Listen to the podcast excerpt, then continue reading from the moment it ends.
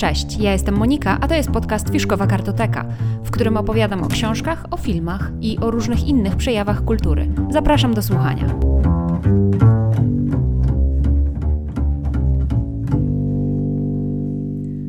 Cześć.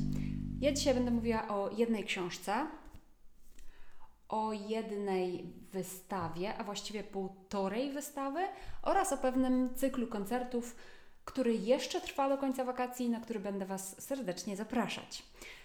Także nie przedłużając, zacznijmy od książki. Książka, o której dzisiaj chcę powiedzieć, to dalsza część problemu trzech ciał, czyli Ciemny Las. Ciemny Las to jest druga część trylogii mm, Wspomnienie o przeszłości Ziemi.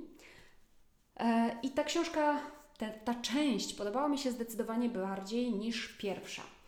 Ja tę pierwszą część, Problem Trzech Ciał, przeczytałam już jakiś czas temu. Miałam ją kupioną, bardzo słyszałam bardzo dobre opinie na temat tej książki. Natomiast podobała mi się, ale nie aż tak, żebym po prostu nie mogła się doczekać, co będzie dalej.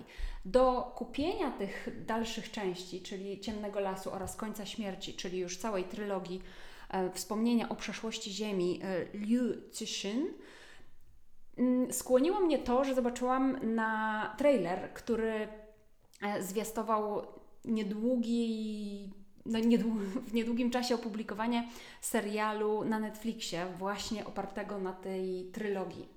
E, ten trailer na tyle mi się spodobał. Ja bardzo lubię tematykę science fiction i w książkach, i w serialach, i w filmach, że stwierdziłam, że super, nie mogę się już doczekać tego serialu, ale bardziej chciałabym też najpierw przeczytać wszystkie części, e, żeby się dowiedzieć jak najwięcej, co będzie się działo, bo wiem, że zdecydowanie, nawet jeżeli serial jest bardziej obszerny niż e, większość filmów, to zawsze wiąże się adaptacja z jakimiś uproszczeniami, z jakimiś skrótami, więc chciałam po prostu poznać tę historię e, na własnej skórze, czytając ją.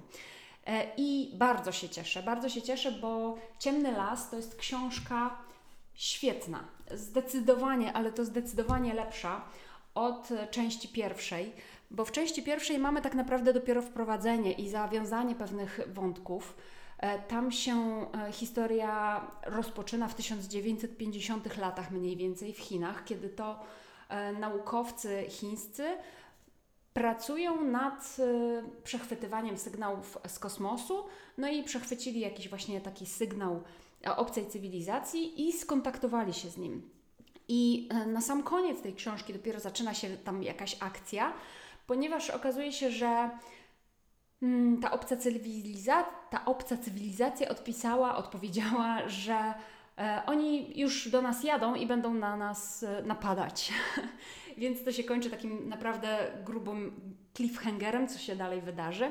No i właśnie druga część, czyli Ciemny Las, którą właśnie skończyłam, to jest książka, w której dowiadujemy się, jak ludzkość zareagowała na tą historię, na ten e, zapowiedź inwazji.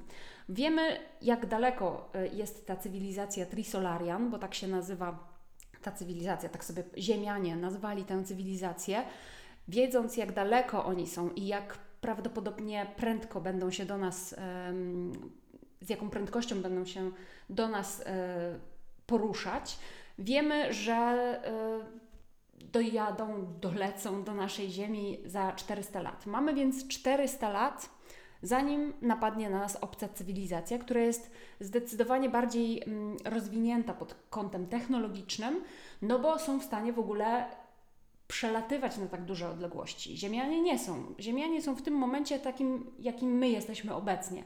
Nie mamy możliwości podróżowania na dalekie na dalekie odległości i nie mamy też takiej możliwości e, dobrego paliwa do rakiet, nie, nie umiemy w ogóle przez. E, nie, nie, nie, umiemy też zbudować takich statków, które by pozwoliły na bezpieczne podróżowanie na dalsze y, odległości. A ponieważ tamta obca cywilizacja leci do nas, no to wiemy, że oni są zdecydowanie lepiej um, technologicznie rozwinięci przynajmniej.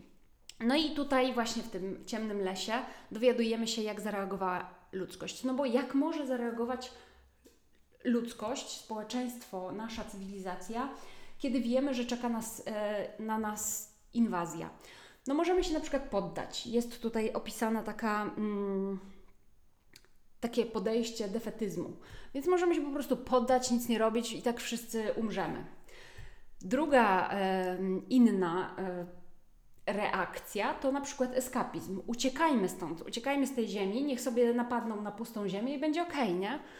E, to jest eskapizm. No i jest jeszcze trzecia, e, takie główne e, rozwiązanie, znaczy reakcja, to jest taka reakcja, która mm, mobilizuje wszystkie siły na Ziemi do tego, żeby pchnąć technologię ziemską do przodu, żeby stawić czoła tej obcej cywilizacji. A tuż właśnie rozwinąć techniki podróżowania w kosmosie, żeby popracować nad takimi paliwami, które pozwolą nam na podróżowanie w kosmosie, na zbudowanie takich statków, które dadzą odpór tej obcej cywilizacji. No i tak dalej, i tak dalej. E, I, e, i w sumie jest jeszcze czwarta e, możliwa reakcja, którą tutaj opisał autor, czyli Liu Cixin. To jest taka reakcja, która po prostu nie zmienia nic tak naprawdę w życiu człowieka, a może nawet zmienia, ale na lepsze. No bo posłuchajcie takiego cytatu. E, w rzeczywistości koniec świata to wspaniały czas, nawet najwspanialszy. Jedyny okres w historii, kiedy ludzie mogą się wyzbyć wszystkich troski, ciężarów i całkowicie zająć się sobą. No bo w sumie tak, no kiedy wiemy, że i tak i tak nas czeka śmierć za 400 lat, no to to jest po pierwsze taka odległość czasu, która nie pozwoli nam dożyć osobiście tego czasu. Po drugie, Mm. no w sumie nic już nie, nie, nie ma to znaczenia, co my zrobimy, bo możemy, nie ma sensu, żebyśmy coś po sobie zostawiali, żebyśmy rodzili dzieci, no bo to i tak i tak wszystko prawdopodobnie ulegnie zniszczeniu. Więc po co się trudzić? Warto po prostu przeżyć to życie w sposób szczęśliwy i jak najbardziej e, dobry dla, dla mnie tu i teraz. I to jest w sumie też jedna z, możliwych reakcji. I właśnie autor tutaj super opisuje w tej części Ciemny Las te wszystkie możliwe reakcje. Chyba najwięcej możliwości, znaczy najwięcej czasu jest tutaj poświęcone takim, e, takiemu rozwojowi technologicznemu. W końcu jest to książka science fiction, więc tutaj jest tej science, czyli nauki bardzo dużo. I mamy tutaj faktycznie e, możliwości różnego rodzaju technologicznego stawienia czoła tej obcej cywilizacji. Świetna książka, trochę psychologiczna, trochę mm, naukowa, trochę taka filozoficzna. Naprawdę bardzo ją Wam polecam. Ja niedługo będę czytała e, książkę trzecią z tego cyklu, Wspomnienie o przeszłości Ziemi, Koniec śmierci. Ona jest najgrubsza. Zobaczcie, porównanie tych trzech książek. E, to jest pierwsza, druga, no i trzecia, no zdecydowanie najgrubsza jest właśnie ta koniec śmierci. E, w ogóle sam tytuł całej trylogii, Wspomnienie o przeszłości Ziemi, no daje tutaj coś do myślenia. Możliwe, że już tej Ziemi naszej nie będzie e, pod koniec tej książki trzeciej, no ale zobaczymy. Zobaczymy. E, koniec śmierci to też może być e, jakąś wskazówką na to, że na przykład już ludzie nie będą umierać, no ale Zobaczymy, powiem Wam, jak skończę czytać książkę. Na razie bardzo Wam polecam książkę Liu Cixin, Ciemny Las i w ogóle całą tą trylogię. No i też zwracam Wam uwagę na to, że chyba w przyszłym roku, na samym początku tego przyszłego roku, 2024, będzie ten serial na Netflixie. Zamierzam oglądać. Oprócz tego, że przeczytałam tę książkę, to Byłam na świetnej wystawie w Kielcach. E, Kielce to jest takie miasteczko, miasto w sumie, nie miasteczko, tylko miasto, które od czasu do czasu odwiedzamy z moim mężem i, e, i tam są zaskakująco dobre wystawy, naprawdę. Natomiast od jakiegoś e, czasu nie byliśmy w Muzeum Narodowym, które też tam jest w Kielcach. No i tym razem słyszałam o dobrej wystawie, która tam w tym Muzeum Narodowym jest, wobec czego się wybraliśmy. Wystawa nazywa się, nosi tytuł Polski mężczyzna 1990-2010. Jeżeli teraz oglądacie e, mnie na, e, na YouTubie, to pokazuję Wam bilet z tej wystawy, Polski mężczyzna. E, I tak jak tytuł wystawy zwiastuje, jest to przedstawienie wizerunku polskiego mężczyzny i widzimy obrazy z, tych, z tej całej setki lat, z tego całego stulecia 1910-2010. Mamy tutaj podobno 100 artystów, albo nawet ponad 100 artystów, którzy w takim chronologicznym przedstawieniu, czyli od najstarszych, mm, od najstarszych obrazów aż do współczesnych nam lat, przedstawiają mężczyznę. I są tu różnego rodzaju obrazy, ale nie tylko obrazy, bo jest też kilka rzeźb. E, I są to różnego rodzaju przedstawienia, od bardzo klasycznych, takich początkowych właśnie mm, przedstawień, chociaż i w współczesnym malarstwie są też bardzo klasyczne portrety, aż po jakieś takie abstrakcyjne, zniekształcone wizerunki. Mamy tutaj różne style, no bo na tym przestrzeni tego całego stulecia panowało wiele różnych stylów. Poza tym też artyści wyrażali siebie, nawet malując kogoś, przedstawiając kogoś rzeczywistego, to starali się to robić w swoim własnym stylu, więc mamy tutaj i abstrakcyjne, i jakieś impresjonistyczne obrazy, i bardzo, ale to bardzo realistyczne. E, mamy tutaj bardzo znane nazwiska, ale i też zupełnie nieznane. Mamy na przykład tutaj obrazy mm, Edwarda Dwórnika, Jacka Malczewskiego, mm, Wojciecha Kosaka. E, ale mamy też 17, podobno, przynajmniej tak jest w opisie wystawy, e, podobno jest tutaj 17 malarek. Ja akurat sobie wypisałam nazwiska dosłownie kilku. Absolutnie żadnej z tych pań nie znam. Natomiast no jest, zwróciłam też uwagę oglądając te obrazy, że jest tych e, malarek kilka i to nawet całkiem sporo mi się wydawało. Później jak przeczytałam, że 17 na 100, no to wydawało mi się, że to już nie jest tak strasznie dużo, ale i tak fajnie, że się znalazły tam i malarki. E, ja sobie znalazłam nazwiska takie jak Magdalena Moskwa, Wanda Zabokrzycka, Sara Lipska, Stefania Jacyszynówna, Maria Pagarostkowska. Nie znam niestety żadnej z tych pań, ale Obrazy były przepiękne i w ogóle cała wystawa jest niezwykła. A to dlatego niezwykła, ponieważ po pierwsze wychodzicie z tej wystawy tacy um, jakby cały czas macie przed oczami ten portret, bo w sumie najwięcej jest portretów e, w różnych e, realizacjach. I cały czas widzicie te oczy, które na Was patrzą, bo jeżeli ktoś maluje portret, to z reguły jest to osoba, która patrzy się na Ciebie, więc macie po prostu jakąś osobę przed Wami, która się w Was wpatruje. Po drugie, co jest bardzo ciekawe na tym przestrzeni, ponieważ, tak jak powiedziałam, obrazy są przedstawione w sposób chronologiczny, więc możemy zaobserwować, jak w e, czasie tego stulecia zmieniał się wizerunek mężczyzny. Od jakiegoś takiego bardzo prostego przedstawienia panów, którzy są e, robotnikami, bo też byli tacy, e, takie, takie przedstawienia od robotników, jakichś rolników, e, murarzy, jakichś rolników, tak jak mówiłam, no właśnie, ale też takich osób, które były, mm, pochodziły raczej z wyższych elit, wyższe elity z wyższych sfer, czyli z elit. Mm. Aż po takie bliższe, coraz bliższe nam czasy, gdzie ten mężczyzna już nie był taki twardy, już nie był taki zdecydowany. Mam takie poczucie, że od tych wojskowych, właśnie nobliwych e, arystokratów i, i ciężko pracujących osób, mm, przesunęła się szala w stronę mężczyzny, który, może, który sobie może pozwolić na trochę więcej emocji, który karmi dziecko, e, który ma pieska, e, który jest w, szaflo, w szlafroku, który ma jakiegoś przyjaciela i z nim rozmawia sobie, który leży na kanapie w pozie zwiastujący jakiś, nie wiem, stan apatii.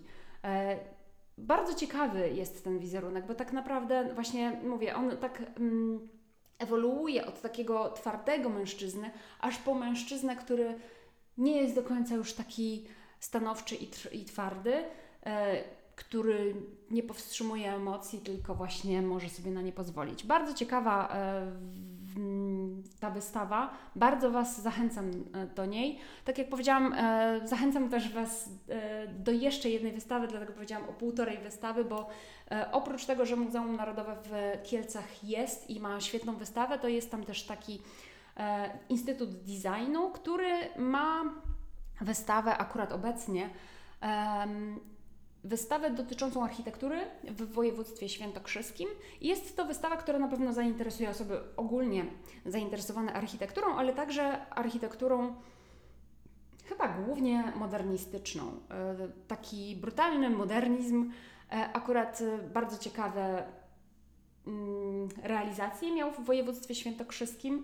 Również jest tam dużo przedstawień takich, mm, nie wiem jak szczerze mówiąc, to było nazwane na tej wystawie, już teraz nie pamiętam, postmodernizm chyba, czyli lata po e, przewrocie w Polsce, po lata mniej więcej 90., kiedy bardzo dużo wprowadzono szkła, takich e, metalu w, w, w budownictwie.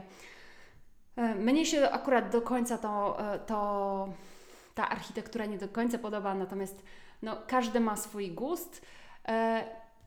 Też możecie zobaczyć arcyciekawy filmik na temat przebudowy mm, Kieleckiego Dworca mm, autobusowego, tak zwanego słynnego UFO, e, który jest e, niezwykłym e, budynkiem w ogóle w skali Polski, ale myślę, że też w skali świata. Był ciekawie zaprojektowany w latach PRL-u, a później fantastycznie przebudowany teraz w już XXI wieku. E, także też na tę wystawę wam, Was zachęcam, jeżeli nie dotrzecie w ogóle do tej wystawy, y, to i tak, i tak Instytut Designu ma zawsze bardzo ciekawe wystawy, więc po prostu zachęcam Was do Instytutu Designu. No i co e, trzecia rzecz, o której tak wspomniałam na samym początku, to jest e, pewna seria koncertów, na którą będę Was zachęcać, żebyście odwiedzili jeszcze może w tym roku, a może w przyszłym roku. Jest to Letnia Akademia Jazzu. W tym roku mamy 16. edycję tego, e, tego cyklu koncertów. E, organizowany jest ten cykl koncertów przez takie studio Wytwórnia i jest to muzyka jazzowa głównie. Są to niesamowite koncerty gwiazd polskiego jazzu, ale nie tylko, bo również wiele zagranicznych gwiazd jest co roku zapraszanych do Łodzi. I co roku są ogromne tłumy na tych koncertach. Mm, jest to też taki cykl koncertów, na których są urządzane warsztaty dla muzyków, więc jeżeli jesteście muzykami, to też e, to jest, może być ciekawe. Akurat no, nie znam tego, e, tego cyklu od strony muzyka, natomiast ja jestem ogromną fanką tych, e, tych koncertów. Od bardzo dawna chodzimy z mężem, jeszcze za czasów, kiedy biletów na te, na te koncerty nie było, bo po prostu były to darmowe koncerty. Teraz wprowadzone są ceny biletów, natomiast naprawdę nie są wysokie, to jest 40 zł 40-50 zł od jednego koncertu. Można też kupić bardzo do przystępnej cenie karnet na cały, na cały cykl koncertów. E, cykl koncertów trwa od lipca do sierpnia, do końca sierpnia, więc w tym roku jeszcze zdążycie spokojnie kupić bilet na jakiś koncert, który Was interesuje. Ewentualnie możecie też kupić um, i, i, i karnet. Bardzo zachęcam. A ja bardzo lubię po prostu te koncerty z kilku powodów. Przede wszystkim po prostu lubię muzykę. Jazz jest dla mnie ciekawy, potrafi być e, nieprzewidywalny. Właściwie jazz jest przede wszystkim nieprzewidywalnym E, nieprzewidywalną muzyką. Nie da się przewidzieć kolejnych, e, z reguły nie da się przewidzieć kolejnych dźwięków, to jest niesamowite. E, po drugie, ja bardzo lubię chodzić na koncerty i obserwować przyjemność, jaką muzycy i panie wykonujące, artystki czerpią mm, frajdę z, z grania, z występowania z, na scenie, z muzyki w ogóle. I zawsze sobie myślę, że to są takie osoby, które wybrały zupełnie inną ścieżkę życiową niż ja. Nie siedzą w biurze, nie siedzą, um, nie siedzą, nie wiem, za komputerem 8 godzin po prostu służbowo, tylko robią muzykę, koncertują, jeżdżą po Polsce, po świecie, e, wymyślają muzykę, trenują po prostu granie. I to jest niesamowite dla mnie. E, a jest jeszcze taki powód, dla którego lubię te koncerty, to dlatego, że kiedy muzycy wykonują swój kawałek po prostu na scenie, moje myśli gdzieś tam często odpływają. I w trakcie tego koncertu daje się ponieść muzyce, która mm, gdzieś tam pozwala mi się na tyle zrelaksować, że jestem w stanie sobie coś zaplanować, coś wymyśleć, przemyśleć jakieś, nie wiem, zagadnienie czasami, pomyśleć o książce, którą wczoraj przeczytałam, przedwczoraj przeczytałam, czy ostatnio, e, o jakiejś wystawie pomyśleć. Nigdy w domu od wielu, wielu lat już nie robię tak, że nie puszczam sobie muzyki i nie leżę po prostu i pozwalam się nieść muzyce. Nie wiem, odzwyczaiłam się od tego zupełnie. Natomiast kiedy idę na koncert, to zawsze jest ta przynajmniej jedna godzina, kiedy muzycy grają, a ja mogę sobie myśleć. I to jest też niesamowite. Dla mnie jest to takie naprawdę niezwykłe uczucie, bo tak jak mówię, no ja już w domu sobie tak muzyki nie puszczam. Zwykle jeżeli puszczam muzykę, to robię coś w tle. E, I to nie pozwala mi się aż tak bardzo zrelaksować i odpłynąć myślą, jak właśnie na koncertach. Dlatego Między innymi dlatego tak bardzo, ale to bardzo lubię właśnie chodzić na koncerty. I co? I bardzo dziękuję za wysłuchanie dzisiejszego odcinka podcastu. Zapraszam Was oczywiście na kolejne. W notatkach do dzisiejszego odcinka na pewno znajdziecie linki do książki, o której mówiłam, do wystaw i do koncertów, yy, i do wytwórni, w której się te koncerty odbywają. Zajrzyjcie więc do, do, do tych notatek. E, możecie mnie też śledzić na moim profilu Instagramowym. Jestem tam jako Fiszkowa Kartoteka. Możecie dać innym znać o moim podcaście, będę bardzo wdzięczna. E, jestem za każdy rodzaj wsparcia, jakikolwiek. Niezwykle wdzięczna, tak jak mówię. Do usłyszenia. Cześć.